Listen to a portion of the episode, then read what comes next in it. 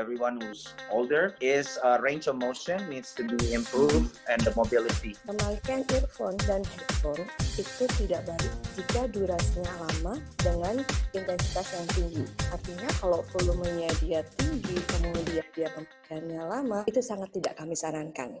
Bagaimana langkah untuk menghadapi kebiasaan semacam ini kira-kira? Mungkin bisa dibantu jawab dari Kak Novi dulu mungkin mau ya? bantu jawab. Oke. Ya, eh, ya memang ya kalau eh, apa namanya bekerja dari rumah tuh eh, banyak yang cerita juga eh, jadi waktunya lebih panjang, pekerjaan juga lebih banyak, banyak juga pekerjaan domestik yang harus diselesaikan. Nah, mensiasatinya adalah tadi dengan eh, disiplin. Yang pertama adalah bagi waktu makan, kemudian disiplin dengan waktu yang eh, ditentukan. Tadi Dokter Nan kan sudah jelaskan juga tuh yang circadian rhythm ya. Jadi memang eh, waktu-waktu tertentu itu sudah di-set sedemikian rupa supaya balik juga untuk tubuh dan juga eh, metabolismenya. Nah, sedikit tips mungkin supaya nggak eh, kebablasan di awal-awal ya. Jadi mungkin kita bisa set alarm tuh misalnya tadi jam 7 sampai 9 itu kan sarapan. Nah, tentu kan tuh satu waktu tertentu misalnya kita jam 7 sarapan. Kemudian nanti ada selingan di jam 10, makan siang di jam 12, cemilan lagi di jam 4 sore, kemudian makan malam di jam 7.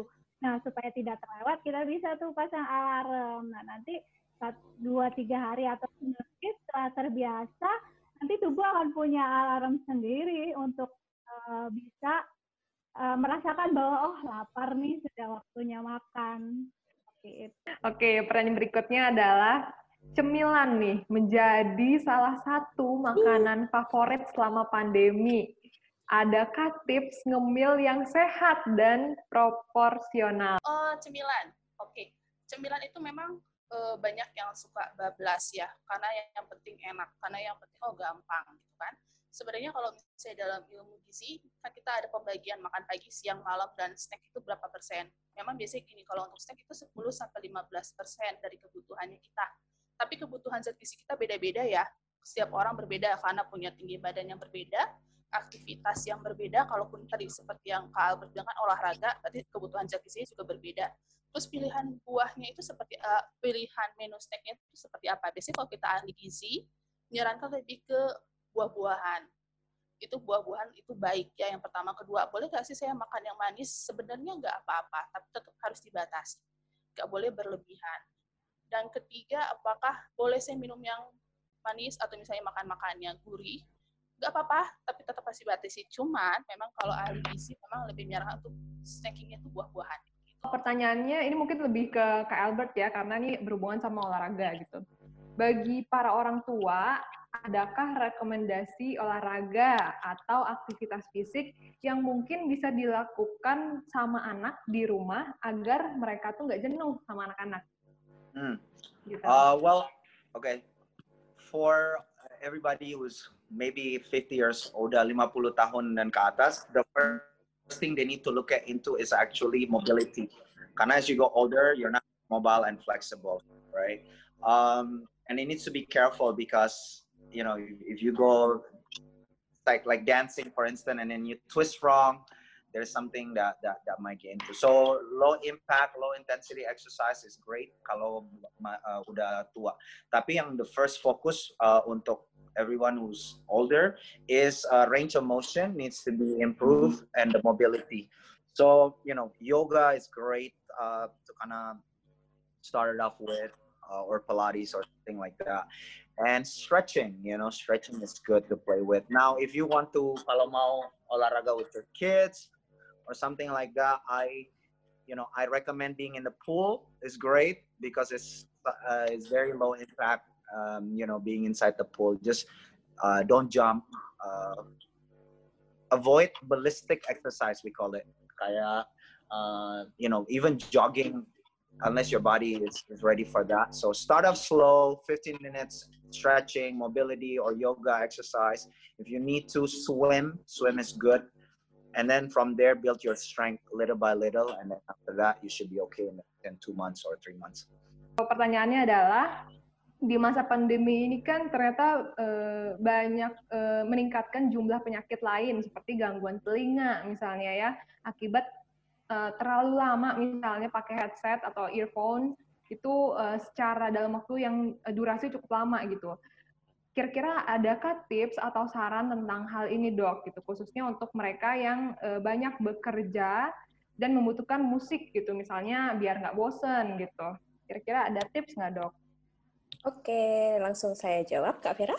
Hmm. Ya, jadi selama pandemi ini sebenarnya sangat saya temui banyak sekali uh, penyakit-penyakit uh, yang berhubungan dengan pendengaran karena akibat pemakaian headset, karena akibat pemakaian earphone.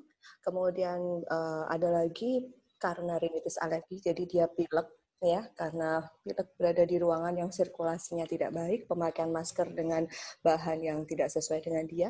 Yang ketiga adalah alergi. Nah, alergi ini banyak juga. Nah, kali ini uh, saya diberi kesempatan untuk menyampaikan mengenai earphone dan headphone ini tadi. Gimana sih dok caranya biar kita boleh pakai earphone, headphone, uh, tapi kita tetap sehat telinganya? Yang jelas, pemakaian earphone dan headphone itu tidak baik jika durasinya lama dengan intensitas yang tinggi. Artinya kalau volumenya dia tinggi, kemudian dia pemakaiannya lama, itu sangat tidak kami sarankan. Apakah ada tips yang dapat diterapkan dalam menjaga pola makan dan meningkatkan imunitas? Kalau tadi kan mungkin lebih banyak eh, dijelaskan tentang maksudnya yang ya normal people kan, maksudnya usia-usia eh, biasa lah ya. Tapi ini pertanyaannya khusus nih, kayak kalau misalnya untuk uh, usia lanjut usia gitu ya misalnya karena kan mungkin kalau kita eh, di rumah misalnya punya nenek, punya kakek gitu ya, mereka juga kita takut nih imunitasnya, nggak tahu gimana cara supaya mereka eh, imunitasnya juga bisa baik gitu kan, eh, terjaga dan mungkin aja kan ada sedikit perbedaan nih dengan kita gitu. Nah, kira-kira ada tips nggak dari kakak-kakak semua tentang hal ini? Dari dulu nih. Boleh, Kak. Siapa dulu? Boleh, silakan. Siapa dulu nih? Ya, kalau Olivia dulu ya, kalau nggak Olivia silakan. Oh, Oke, okay. dari aku dulu ya. Sebenarnya gini, kalau misalnya zat gizi tertentu untuk orang tua, apakah ada? Sebetulnya sama aja. Cuma mungkin uh, jumlahnya memang berbeda. Jadi kita punya standar, itu ada namanya angka kecukupan gizi. Itu setiap lima tahun sekali negara kita itu selalu update. Itu ada per per usia gitu kan. Untuk vitamin C berapa miligram untuk uh, misalnya zincnya berapa miligram. Jadi sebenarnya basicnya sama seperti makanan kita cuma mungkin lihat dari beberapa kondisi atau mungkin riwayat. Kayak misalnya mungkin punya penyakit gula. Berarti kita kesesuaikan aja nggak boleh makan yang manis-manis gitu kan. Yang pertama selain meningkatkan kadar gula darahnya juga. Tadi kan dijelaskan juga kalau konsumsi makanan manis yang berlebihan juga kan menurunkan kinerja dari sel darah putih kita gitu kan. Jadi mungkin dikurangin karena biasanya orang tua senang minum teh manis ya kan. Jadi mungkin yang harus dibatasi itu yang pertama. Kedua lihat kondisi fisiknya. Gigi itu masih oke okay enggak kadang-kadang ini nggak terlalu terperhatikan oleh orang banyak. Mungkin makanannya bisa lebih lembutkan tapi dengan makanan yang lebih beragam juga. Jadi baik juga gini karena orang tuanya mungkin giginya sudah tidak lengkap ya udah deh bubur aja sama ayam sama kecap udah gitu kan. Nggak ada sayurnya nggak ada buahnya. Jadi mungkin memang kita harus lebih variatif. Misalnya oke okay, makan bubur atau misalnya makan nasi tim lauk pauknya bisa apa aja loh sebetulnya. Cuma mungkin dibentuk pelade atau mungkin dicincang lebih lembut sayurannya pun mungkin dicincang juga buahnya mungkin bisa juga yang lembut atau misalnya di jus gitu sih jadi basically makanan sumbernya sama, tapi lihat dari latar belakang ataupun riwayat-riwayat dari orang tua tersebut. Oke, nah pertanyaannya adalah apakah aman untuk berolahraga di luar rumah? Mungkin kan karena kalau di sekarang ini orang mulai jenuh ya olahraga di dalam rumah. Oh ya udah mau olahraga di luar nih. Tapi kira-kira aman nggak kak? Dan kira-kira ada nggak rekomendasi uh, olahraga seperti apa yang uh, bisa dilakukan di luar tapi bisa tetap aman gitu. Okay, well I think the reason kita uh, quarantine uh, adalah spacing, right? Kita perlu ada space from uh, other people. So if you can bisa find a place where you're just by yourself to train, uh, you should be okay. Uh, all, all kind of exercise, uh, you just do it uh, dilakukan sendiri uh, atau enough spacing dari um, you know other participant uh, to be okay right? Malah gym-gym udah di allowed to open as long they follow a, a specific protocol and spacing, then it should be okay. And and you know uh, bisa melakukan all exercise yang you used to do as long as by yourself. Tetapi yang mungkin uh, what I would recommend kalau misalkan orangnya emang par paranoid with uh, you know um, being outside is you could uh, you know try to find a place in your backyard or something. Uh, try to be careful about like um, like uh, playing that will share equipment. Kayak misalkan basketball and stuff, you know, that's Hmm. that's something yang I would not recommend kalau orangnya uh, conscious about that.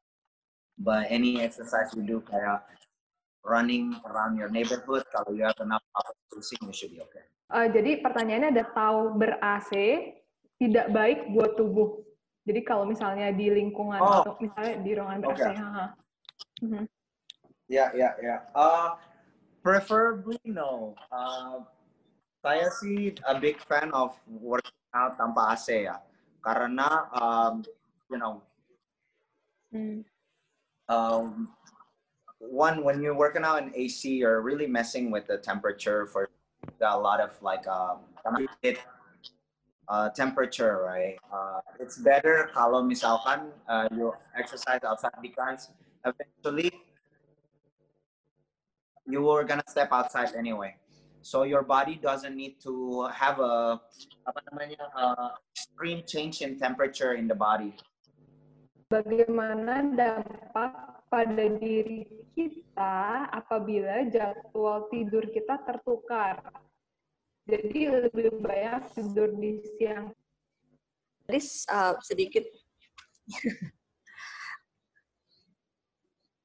Uh, sekilas saya mendengarkan bagaimana jika jadwal tidur kita itu berubah menjadi uh, jam siang seperti itu.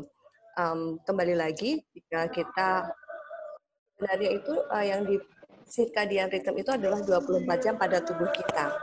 Jadi jika kita itu. kerjaannya kita pagi atau uh, kebalik ya uh, pekerjaan kita jadi balik malam seperti itu. Jadi tidak sesuai dengan orang pada normalnya pagi bekerja dan lainnya. Itu bagaimana? Yang terbaik adalah sesuai dengan siklusnya. 24 jam itu tadi. Itu untuk mendapatkan sistem sirkadian yang bagus. Sistem sirkadian yang bagus berarti dia akan meningkatkan uh, hormon melatonin, melatonin, kemudian antibodi, antioksidan yang tubuh pada tubuh kita itu bisa bekerja secara maksimal. Jadi eh, untuk yang punya diabetes, saya tetap harus haruskan untuk makan karbohidrat. Cuman mungkin memang persentasenya tidak seperti orang kebanyakan. Dan juga jenis karbohidratnya juga dilihat.